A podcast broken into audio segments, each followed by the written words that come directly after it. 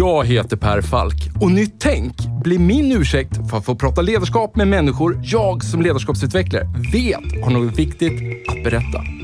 Och med tio avsnitt per säsong, varannan vecka, gräver vi därför ner oss i tekniker, principer och synsätt för att vi ska sätta fingret på vad som kännetecknar det ledarskap vi alla behöver se mer av. Och för att få de här samtalen att hända så har vi sponsorer. Först och främst min arbetsgivare Mindset där jag och mina kollegor tar fram både små och stora ledarskapsprogram som skapar de nya beteenden som behövs för att få er strategi att hända.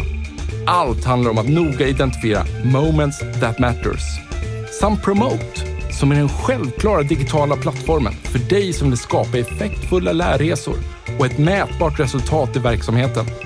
Och om ni vill ge era nya medarbetare en riktigt bra introduktion med en välkomnande och effektfull onboarding så tycker jag ni ska kontakta superproffsiga Induction.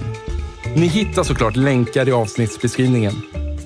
Nu hoppar vi in i samtalet och kom ihåg att det här är ett sammandrag av originalversionen. Enjoy!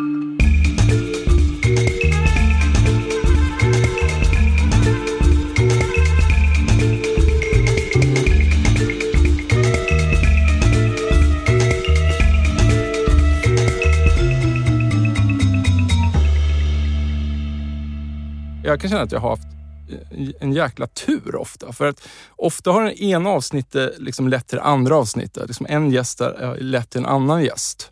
Och I det här fallet så var det då, eh, alltså jag spelade in avsnitt med hedgefondförvaltaren Sean George och, och för att sätta lite kontext då så han använde lite andra ord, men, men om, om jag ska vara lite mer diplomatisk och omformulera hans budskap då, så, så sa väl han då att mångfalden inom svensk finansindustri är inte på topp. Även i liksom en internationell jämförelse. Och då så i det här avsnittet så, så creddade han då en, en svensk storbank då som, som hade tagit tag i den här problematiken. Och jag försökte faktiskt utan framgång då nå fram till den här banken, men, men, men fick liksom inte kontakt med dem alls. Och Istället så går en helt annan VD för en helt annan bank in och kommenterar på LinkedIn det här avsnittet. Och det var ju du, Elisabeth. Och nu sitter du här. Precis. Och jag ju supernyfiken på dig. Har han en poäng här? Hur står det till med mångfalden inom svensk industri? Eller finansindustri? Finansindustri, nej men bankbranschen. Nej, den, det finns ju lite övrigt att önska. Ja. Det har blivit mycket bättre under mina eh, 30 år i, eh, dryga 30 år ska jag säga, i, i branschen. Eh, men vi är fortfarande inte framme och det ser olika ut på olika områden i bank. Ja. Och det som Sean jobbar med och, och inom liksom rådgivningsverksamhet, inom eh, räntevalutahandel, mm. inom eh, aktiesidan. Där mm. är det väldigt eh, liksom mansdominerat. Ja. Varför har det blivit så? Det är svårt att säga. Jag skulle säga att det är en... Jag tänker oftast att, att finansbranschen är en bransch där normen är satt av män. Mm så ska man ta sig in i finansbranschen, framförallt inom de här områdena, så måste man ju antingen då anpassa sig som kvinna Eh, vilket inte alla, liksom, man, man trivs inte. Eh, så det är väldigt svårt. Ofta så ser vi att vi har haft historiskt eh, goda möjligheter att rekrytera unga människor och med liksom hyfsat bra eh, liksom, eh, gender diversification eller jämställdhet, mm. både utifrån ett könsperspektiv. Men de stannar inte kvar. Jag har bara fått någon känsla för att det här det är en lite känslig fråga. Absolut. Det här att prata om. Alltså ja. lite så här het sten som folk kastar mellan sig. Ingen riktigt vill hålla i den och vissa tar inte emot den överhuvudtaget när den kommer kastandes Nej. emot dem. Nej. Eller? Nej, och, och jag, det som kanske gör mig eh, mest, eh, historiskt skulle jag säga mest upprörd. Idag så blir jag mest bara liksom, lite uppgiven och besviken. Det är ju att man eh, inte tror att om vi eh, rekryterar jämställt, att vi ska klara av att behålla kompetens. Mm. Att det har ett kompetensperspektiv. Mm. Eh, man pratar om mm. meritokrati, mm. eh, som, som några har varit ute och diskuterat, att vi ska alltid anställa den bästa. Titta på juristlinjen idag, titta på Handels idag, titta på de flesta utbildningarna så har vi en, liksom, en överdominans av kvinnor Så kompetensen finns ju. Och det kan ju jag ibland så att säga, gå igång på. Ja. Och jag, alltså, vad jag tror är ju liksom att det här handlar ju om att jag vill ha människor runt mig med olika perspektiv. Och vit man med examen från Handels från norra Stockholm. Alltså, det säger sig självt att vi, liksom, vi blir ju ganska linjära i vårt sätt att fatta beslut och se på risker eller nya idéer. Och jag kan ju också säga så här, anledningen till att jag eh, så här, bjöd in eh, Sean George var för att i äh, men, amerikanska poddar som jag lyssnar på, mm. då kan jag tycka så att när, när, man lyssnar på en podd där som handlar om beslutsfattande eller eh, i vissa fall också ja, men, liksom kulturarbete och så vidare. Då är det ibland representanter från amerikansk finansindustri som är gäster som sitter och pratar om så här, nej men så här har vi jobbat med bias i, i vår organisation för att minimera risk i besluten. Eller så här jobbar vi för att ta bättre beslut. Och då min liksom spontana reflektion är, varför hör jag aldrig det i någon svensk podd? Mm. Varför, eh, hänger du med på vad jag menar där? Absolut. Ligger, de, ligger de, ja. USA före oss? USA ligger före, definitivt. För de nu som inte vet om vem du är, vad, hur, eh, hur skulle du presentera dig själv? Min hisspitch. Ja. Eh, men, Elisabeth eh, Beskow, eh, VD för eh, DNB Banks eh, svenska filial.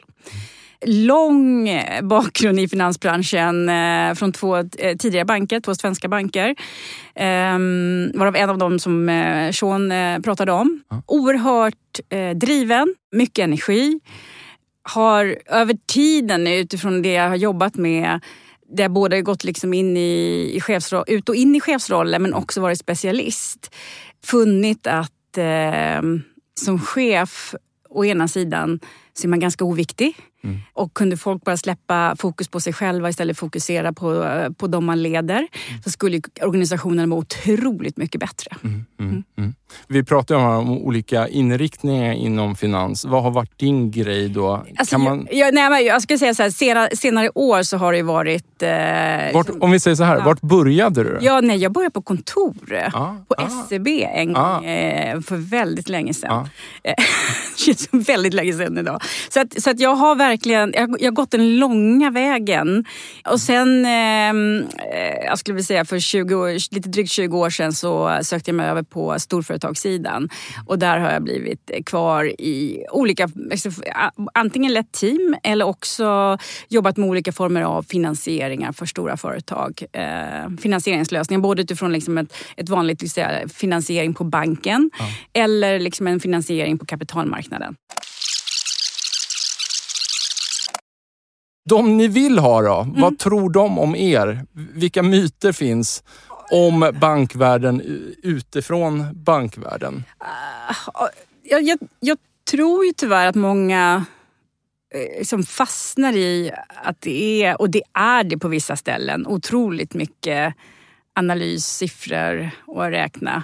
Men det, det är så otroligt, finns så otroligt mycket mer mm. på en bank än att bara liksom gräva i siffror. Idag behöver vi ju ny kompetens. Vi behöver ju ha personer som förstår vad som händer inom hela mobilitetssektorn. Vi behöver ha personer som förstår hållbarhet och hur vi ska analysera bolagen utifrån de perspektiven. Mm. Vi behöver också eh, personer som faktiskt förstår liksom, mångfaldsfrågor. Alltså där vi i framtiden behöver ha så otroligt mycket mer eh, perspektiv på det vi gör. Mm. Och hur vi liksom får in den typen av kompetens. Vi är ju som någon form av liksom kompetensföretag. Ja. En bank är ju sina, sin personal och, och, och pengarna som står på, på kontot tänkte jag säga. Ja. Det, ni kanske till och med behöver folk som är bra på att dra fram det bästa ur ja, andra människor. Det, precis, bra ledare kan, det vara, kan ju också vara en fördel. Ja. ja. Man skulle ju då kunna göra något tankesprång här. Att, att du som, som VD för en, en bank, att det, det, det kommer vara en väldigt stroppig person mm. jag, jag, möter. Då. Men, men jag, jag kan inte se någonting av det eh, hos dig här. Ja. Precis. Nej, jag känner mig inte särskilt stroppig faktiskt. Men, men, men, det är ändå så här, alltså för att min tankeprocess då, och, och ta, ta för guds skull inte det här personligen nu.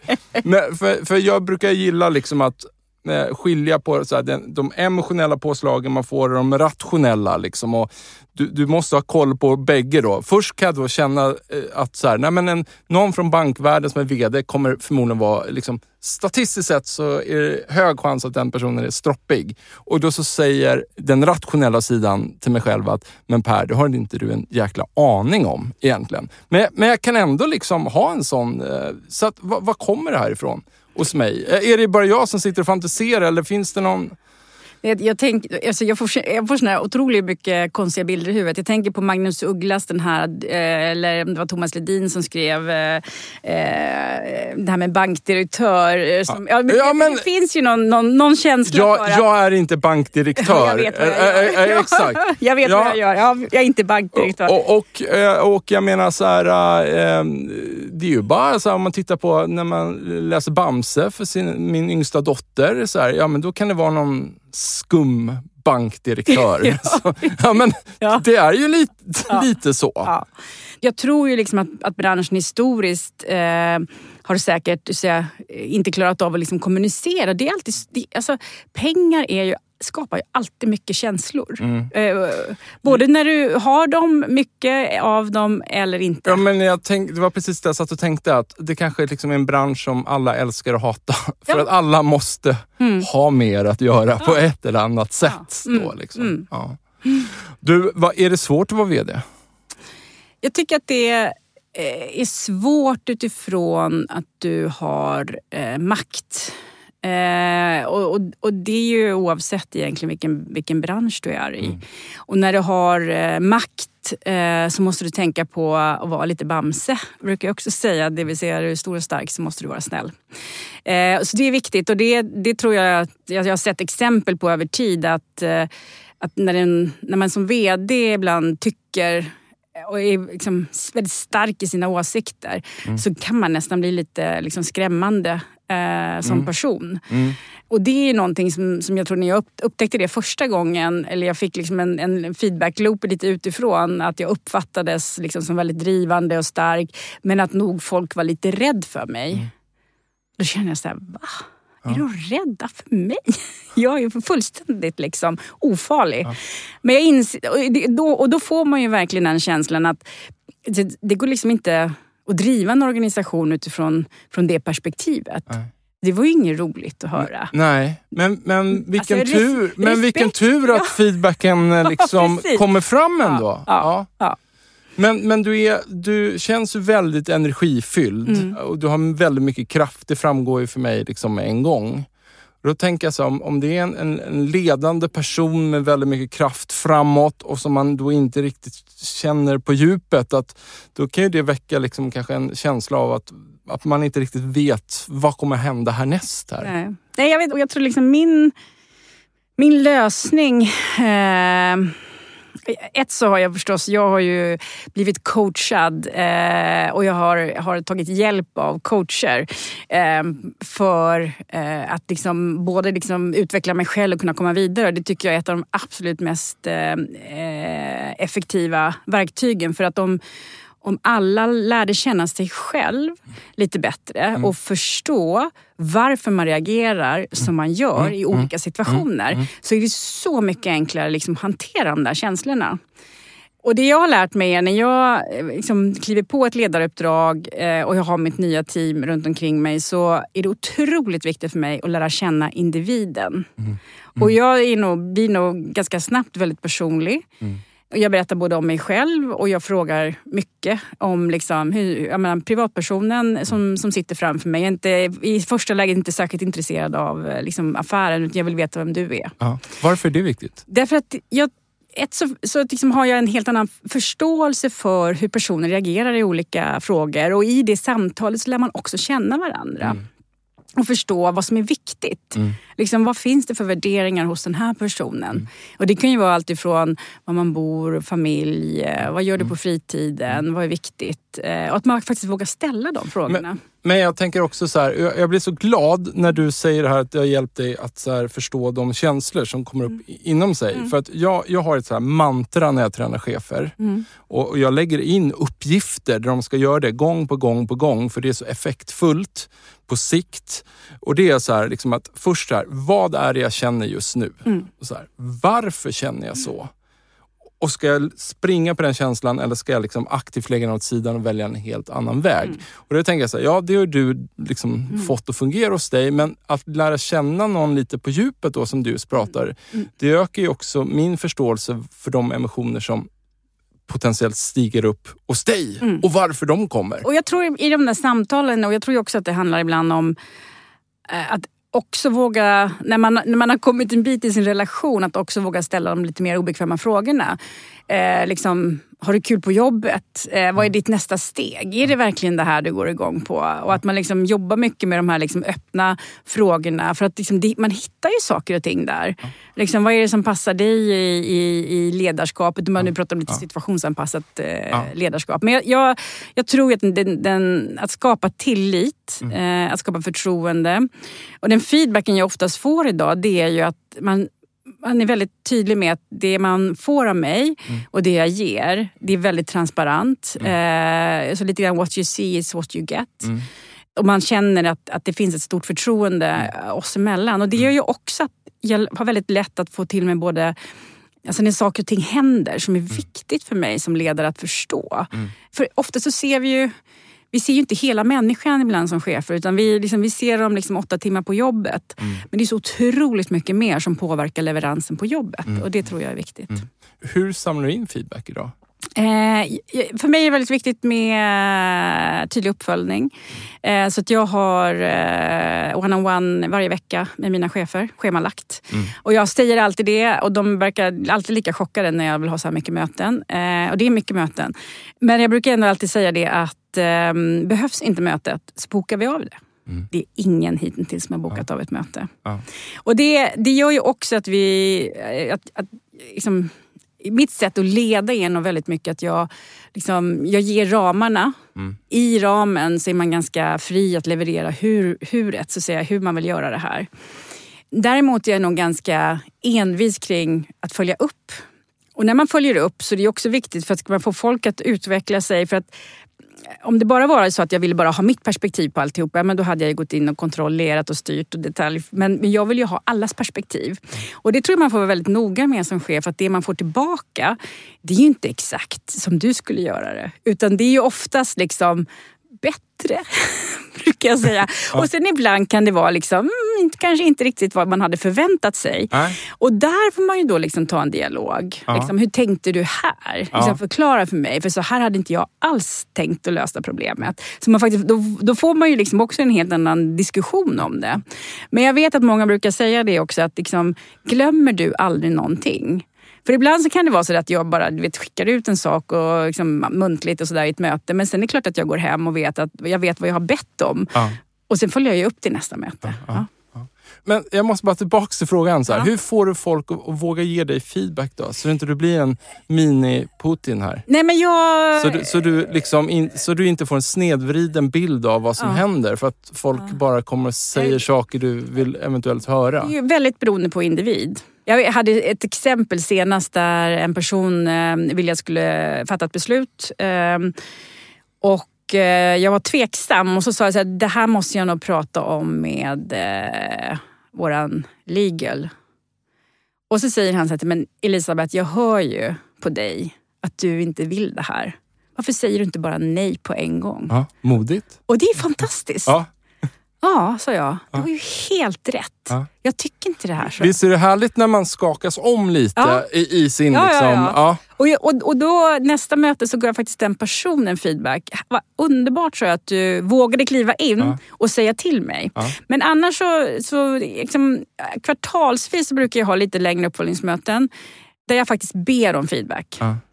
Och oftast den feedbacken jag får det är ju att jag eh, är för snabb.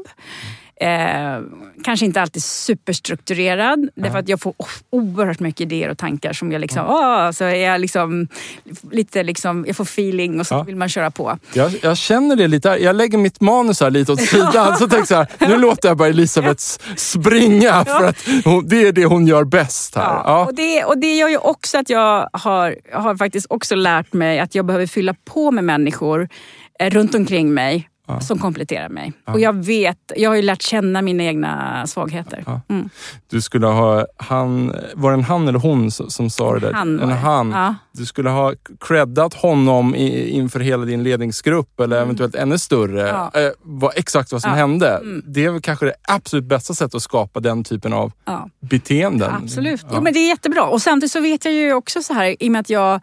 Ibland när jag får en sån här ryggmärgsreflex, Ja. om ja, ja och nej, eller när jag ska fatta ett beslut, då tänker jag så här, mm, är, det här, är det bra? Eller ska jag, i och med att jag vet att jag är snabb, eh, och det är ju det som jag oftast, liksom, det är förstås en av mina styrkor.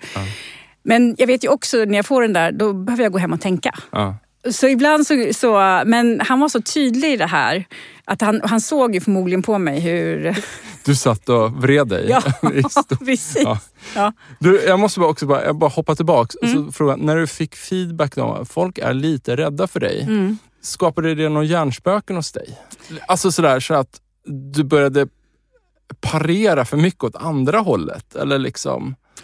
Nej men jag... Alltså, jag, jag Eller vad, vad, gjorde, så här, hur, Ja, ja. hur, vad gjorde du av den informationen? Ja, liksom? nej, jag, liksom, jag stoppade den och tänk, djupt innanför och så. Nej, så, nej men jag, det är klart att... Eh, Du har fel. Ja, precis. Peka med hela handen och konstatera att de har fel. Nej, men jag, jag, det jag också har, har märkt är att när, när kvinnor är tydliga med vad man vill, när man är lite framåtlutad, så uppfattas man ofta som ibland mer eh, pushig, lite aggressiv eh, eh, som person. Mm. Därför att det är, inte, det är inte en kvinnlig egenskap. Nej. Eh, Det finns ju siffror på att så, Ja. så är det. Liksom. Precis. Ja. Så, att, så att det jag liksom faktiskt lite grann har, har övat på, det är att vara tyst och sitta på händerna. Mm. Därför att då, då händer det någonting med människorna runt omkring mig. Ja. Det är då jag får igång liksom, bra diskussioner på bra möten. Och, och, och verkligen, det är otroligt frustrerande ibland. Ja. Och jag har till och med haft någon eh, person som kände mig eh, hos en tidigare arbetsgivare som jag har jobbat med och som kom fram och sa Varför är du så tyst för Elisabeth? Tänkte Har, det, har det hänt något? Ja precis, jag övar tänkte jag säga. Jag övar mig jätte... Så just det här att, och ibland så när jag träffar kvinnor som vill väldigt mycket och är frustrerade över att de inte tar sig fram i karriären. Och när jag då ger dem det rådet att Vet du vad, sitt på händerna och var tyst. Alltså, de tror att jag är helt tokig. Och, och så kan många tycka då, ja, men vad, då ska jag anpassa mig. Ska jag anpassa mig i... Ja, men, men, men lite så här tänkte jag den tanken när du sa att ja, men som kvinna så kan jag uppfattas som aggressiv Mm. om jag gör så här. Ja, men då, då uppstår ju någon så här fråga, okej, ska jag anpassa mig eller ska jag bara, mm, men skit i det, jag kör min grej. Mm. Liksom. Nej, jag, och, jag, och jag tänker så att... Jag, vet inte vad jag frågade Nej. där, men Nej, du men förstår jag, vad jag jag förstår ja. precis vad du menar. Och för mig har det nog blivit så att jag... Alltså jag, jag, jag, jag tänker att jag vill vara medmänsklig. Ja. Så be, behöver jag vara så uh, forcerad, eh, liksom peka med hela handen? För ibland tänker jag så att jag är nog en produkt av var jag har varit någonstans. Mm, mm. Alltså förstår att man är lite, jag blir lite övertydlig, jag blir väldigt liksom, kraftfull i liksom, Ja, men- uttryck. Det var ju också då, liksom, alltså alla de här åren då, du säger att det har varit väldigt mansdominerat. Mm. Liksom. Har du då lagt dig till med, för att passa in, Mm. har du och bli accepterad eller ta dig fram, har, tror du att du har lagt dig till maner då som Absolut. inte är du? Men, men du, Ja. har, du har bara Nej, jag- ryggradsmässigt behövt göra det? Jag eller? bestämde mig för att, att byta bank första gången eh, så hade jag, då satt jag i en, en specialistfunktion och jag hade sträckt upp handen och sagt att jag så väldigt gärna ville bli chef. Men liksom det, det, i varje del i den här organisationen fanns det liksom en, en manlig chef och bakom honom stod en annan manlig kollega som gärna ville bli chef. För det, liksom, det var svårt som kvinna att ta sig fram. Och när jag då vart utplockad i något här specialistprogram för duktiga specialister och så sa jag det till min HR-chef, ja, men liksom, alltså, på riktigt, vad gör jag här? Jag, jag vill bli chef. För det jag förstod var att jag var tvungen att vara chef över någonting där jag kunde mäta i pengar. För det, var, det gör man i men- mätsvärd. Ja. Ja. Men det ju, kan ju också vara en fördel, alltså när man kan mäta, liksom hardcore mäta en Ja. prestation. Ja. Det, det kan ju verkligen vara ett sätt att ta sig fram. Liksom. Och då sa jag till henne att, vet du vad, och då sa jag till, att, och då sa hon, men vet du vad Elisabeth, nu sätter du dig, ditt eget glastak. Vem har sagt att det behöver vara den här banken? Ja. Och då Oj. var det bara wow. Wow! Ja. Ja. ja. Och sen eh, så träffade jag en person eh, då på, på, på nästa bank som eh, rekryterade mig när, jag, när han träffade mig och sa, att, sa då att, jag, att han ville att jag skulle bli chef för ett område som jag aldrig hade jobbat med. Så sa jag faktiskt till honom, vet du vad, det här har jag aldrig gjort tidigare, sa jag. Bara så att du vet det. Nej, sa han, eh, jag, kan inte, jag vill ha en kvinna och jag vill ha en kvinna som är en duktig ledare. Och det vet jag att du är. Det finns ingenting i bank som är rocket science, sa han. Så det här fixar vi. Sen var det en tuff omställning. Eh, både att byta bank, kliva in i ett affärsområde som jag inte hade jobbat med tidigare. Men en fantastisk resa. Och förstås också som har fått mig att öppna ögonen kring vad är det egentligen utifrån ett ledarperspektiv som är viktigt. Det är inte alltid att du exakt förstår produkten. Men däremot behöver du ju förstå helheten runt det. När, när man leder specialister förstås. En av mina fortsatt liksom, sådana brister som jag har, eller brister, liksom, som tar energi, Ja. onödig energi, det är också att jag, jag kan älta ibland när jag tycker att jag har tagit, liksom, gjort fel, tagit fel beslut eller liksom, jag borde inte ha sagt det där. Jag, så har jag liksom ett ältande i mig. Och jag skrattade åt, åt den coachen som jag har nu för att hon sa till mig, men Elisabeth påverkar det där DNBs aktiekurs? Jag bara, eh, nej, äh, skit i det då. Så, att, så hon sa det, försök att hitta ett sätt liksom, att förhålla dig till de här äh, sakerna som du ältar. Ja. Samtidigt som att jag också känner att ibland så är ju, när man liksom reflekterar av, över saker och ting man gör, så förbättrar man ju sig också. Man lär ju sig till nästa gång. Men ibland så blir det liksom för negativt. Och det var också en coach som sa till mig att liksom, om du säger så där borde jag inte ha gjort, hjärnan fattar inte inte. Så hon, du kan lika gärna säga att jag är en banan. Eh, och det är ibland när jag känner att jag får dem där, då kan jag tänka så här, jag är en banan. Tänker jag. Och då skrattar jag lite grann åt mig själv. Eh, hur Ursäkta, jag Ja, ja, och hur jag kommer vidare. Och det är bara liksom för att liksom stoppa den här loopen i hjärnan när jag tycker att jag är dålig. Du, du är briljant. Ja, Du är men- briljant. Ja, för hjärnan klarar inte negationer. Nej. Hur får du nu, det du gör med din ledningsgrupp, hur får du dem att delvis liksom leda på samma sätt ner i sina stuprör? Mm, För det, det är ju där det börjar liksom hända saker. ja. Nej, men jag eh, kan ju notera då, alltså, utifrån hur vissa avdelningar performar eller hur, hur de leds eller liksom vilken feedback cheferna har. Och då, får, då får jag ju liksom jobba via mina chefer. Liksom, hur tänker du runt den här personen? Alltså man, det, är, det är viktigt att inte... Jag hade ju gjort det på ett sätt, men det viktigaste är ju också liksom att den, den, den chefen som rapporterar till mig, att den också får liksom hitta sitt sätt att göra det på. Men ofta så kan jag ju liksom det, jag, det som jag tror är viktigt det är ju återigen den här med, med uppföljning och feedback. Liksom, har du hunnit pratat med eh, henne ännu om liksom, det som var?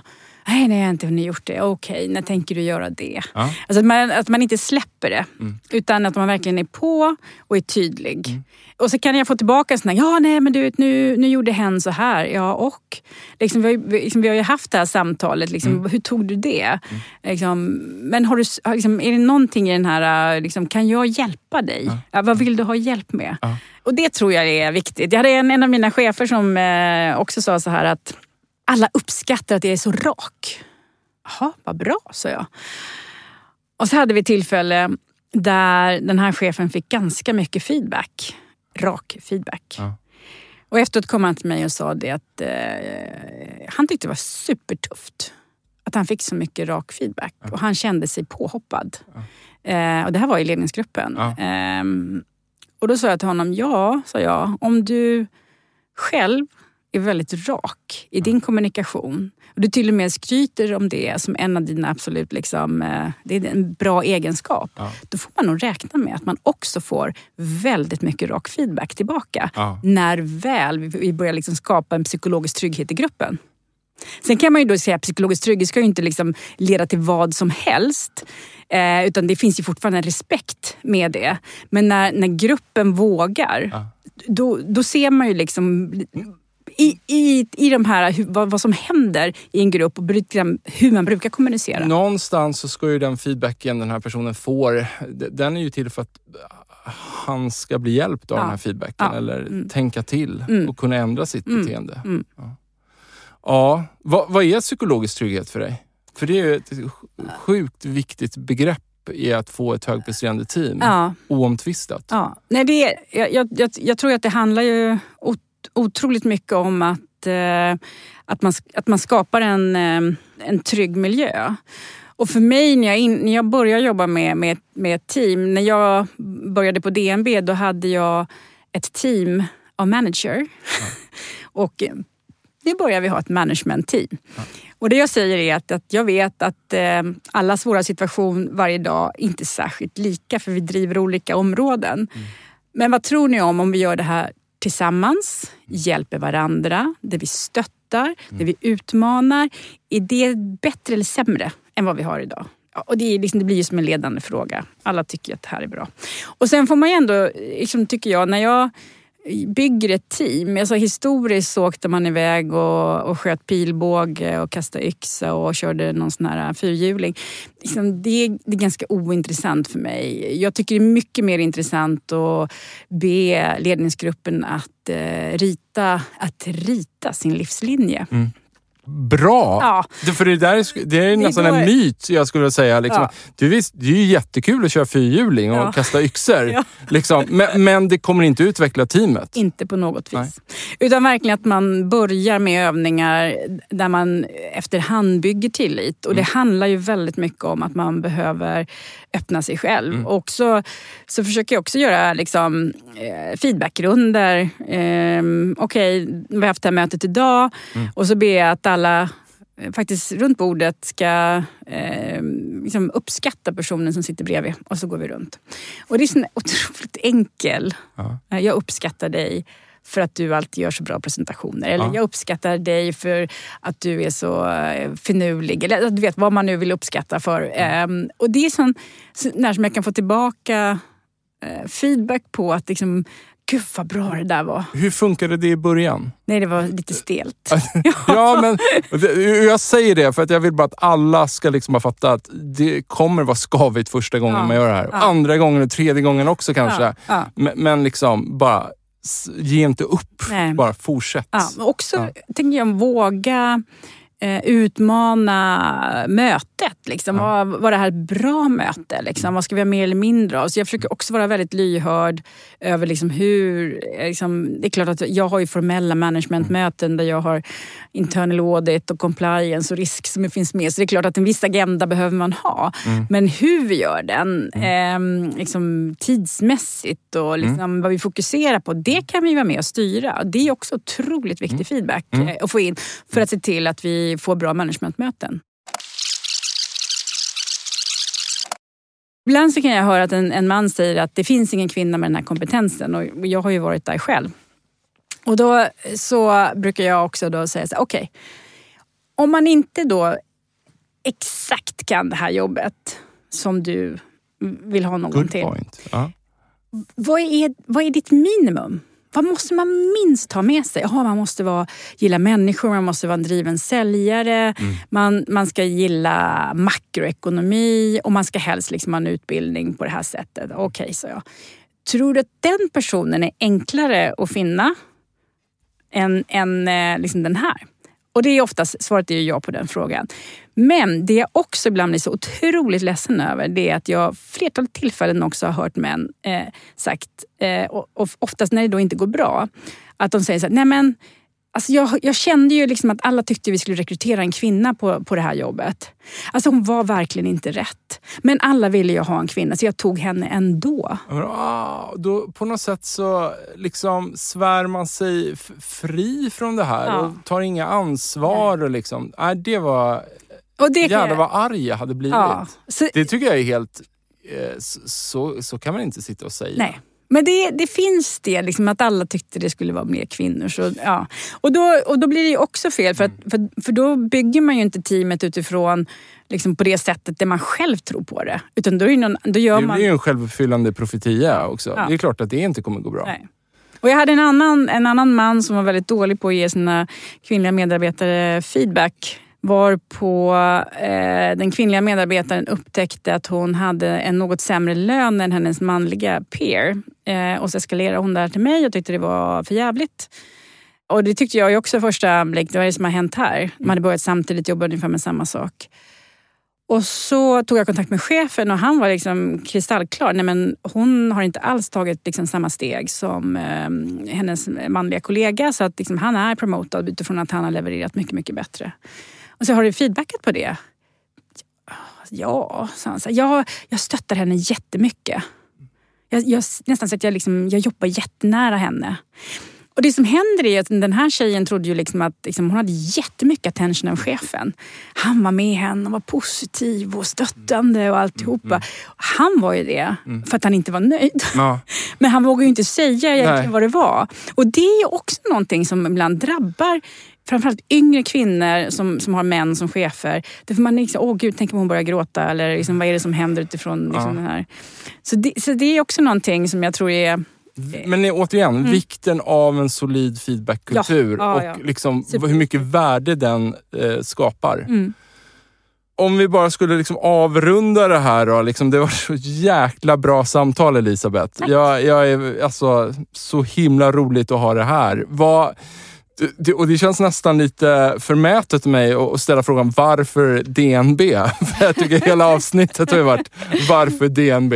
Men eh, om det är någon som liksom sitter i en eh, ja, men med känningar i den här branschen då, så att DNB skulle kunna vara en potentiell liksom, arbetsgivare. Vad- varför ska man ta kontakt med er och gravitera åt ert håll? Nej, alltså jag, jag, jag tror att du...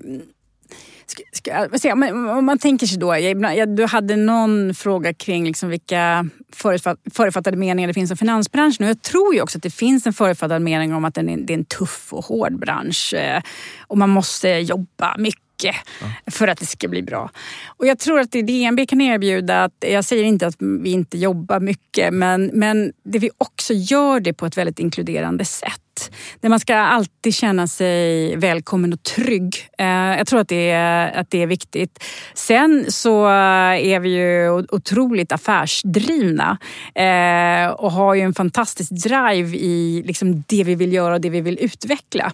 Eh, så vill man lära sig mycket saker och det är också någonting som att vi, vi tillåter många att lära sig eh, mer kanske än man kan göra på andra banker. Det vill att man, man har möjlighet att kunna gå lite mellan eh, produkter förstår. och avdelningar. Ja. Vilket jag tror att man, man, skap, man, skapar en bredd i det hela. Ja. Du, stort tack för att du tog dig tid till att komma förbi. Ja, tack för eh, inbjudan och tack Sean då som, eh, Ja, som jag har exakt. jobbat med Ta- precis också. Exakt. Ja, Sean, tack så mycket. Hörni, tack till våra sponsorer Mindset, Promote samt Induction för att ni tror på den här produktionen. Ta hand om er.